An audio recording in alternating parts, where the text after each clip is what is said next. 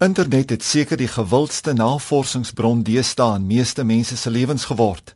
Veral vir die jonger geslag het internet onafskeidbaar geword.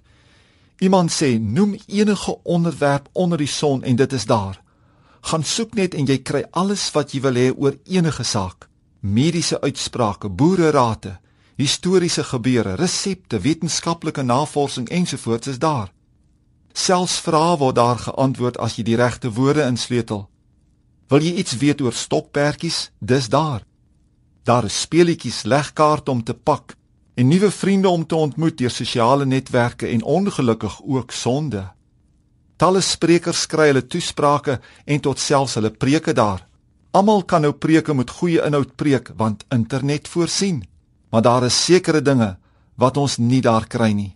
Redding kry jy net wanneer die bloed van Christus se kruisdood jou was en die wederbarende krag van die Heilige Gees jou binnemens kom nuut maak.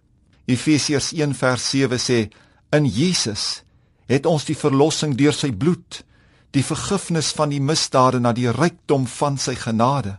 1 Johannes 1 vers 7 sê die bloed van Jesus Christus, sy seun, reinig ons van alle sonde. Salwing kry jy nie op internet nie, maar in die teenwoordigheid van die Here self. Handelinge 10 vers 38 met betrekking tot Jesus van Nasaret, hoe God hom gesalf het met die Heilige Gees en met krag. Hy het die land deurgegaan, goed gedoen en almal genees wat onder die mag van die duiwel was omdat God met hom was. Wat 'n lewe om te begeer. Mooi karaktereienskappe word nie vanaf 'n webblad afgelaai na jou geestelike hart toe nie. Dis eienskappe wat bekom word oor tyd deur die sluip van die lewe onder die invloed van die Heilige Gees wat sy goddelike deugdes in jou inbou. Dis 'n mond wat sulke wonderlike dinge praat, moet ons nie meer so maklik beïndruk nie. Die inhoud daarvan is dalk iets wat op die internet bekom is, maar die goed wat ons wel moet beïndruk is karaktereienskappe soos integriteit, getrouheid, lojaliteit, eerlikheid, kommitment wat beteken langtermynverbintenis, opregtheid ensovoorts. Kom ons bid saam. Here, ons is dankbaar vir die tegnologie wat ons lewens hier op aarde makliker maak. Maar Here, ons verklaar dat die tegnologie kan nie ons harte verander nie. Dit kan nie die sleg in ons harte vervang met die goeie nie.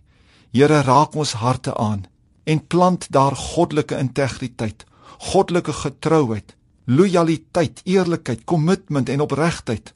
Ons bid dit Vader in Jesus se naam. Amen.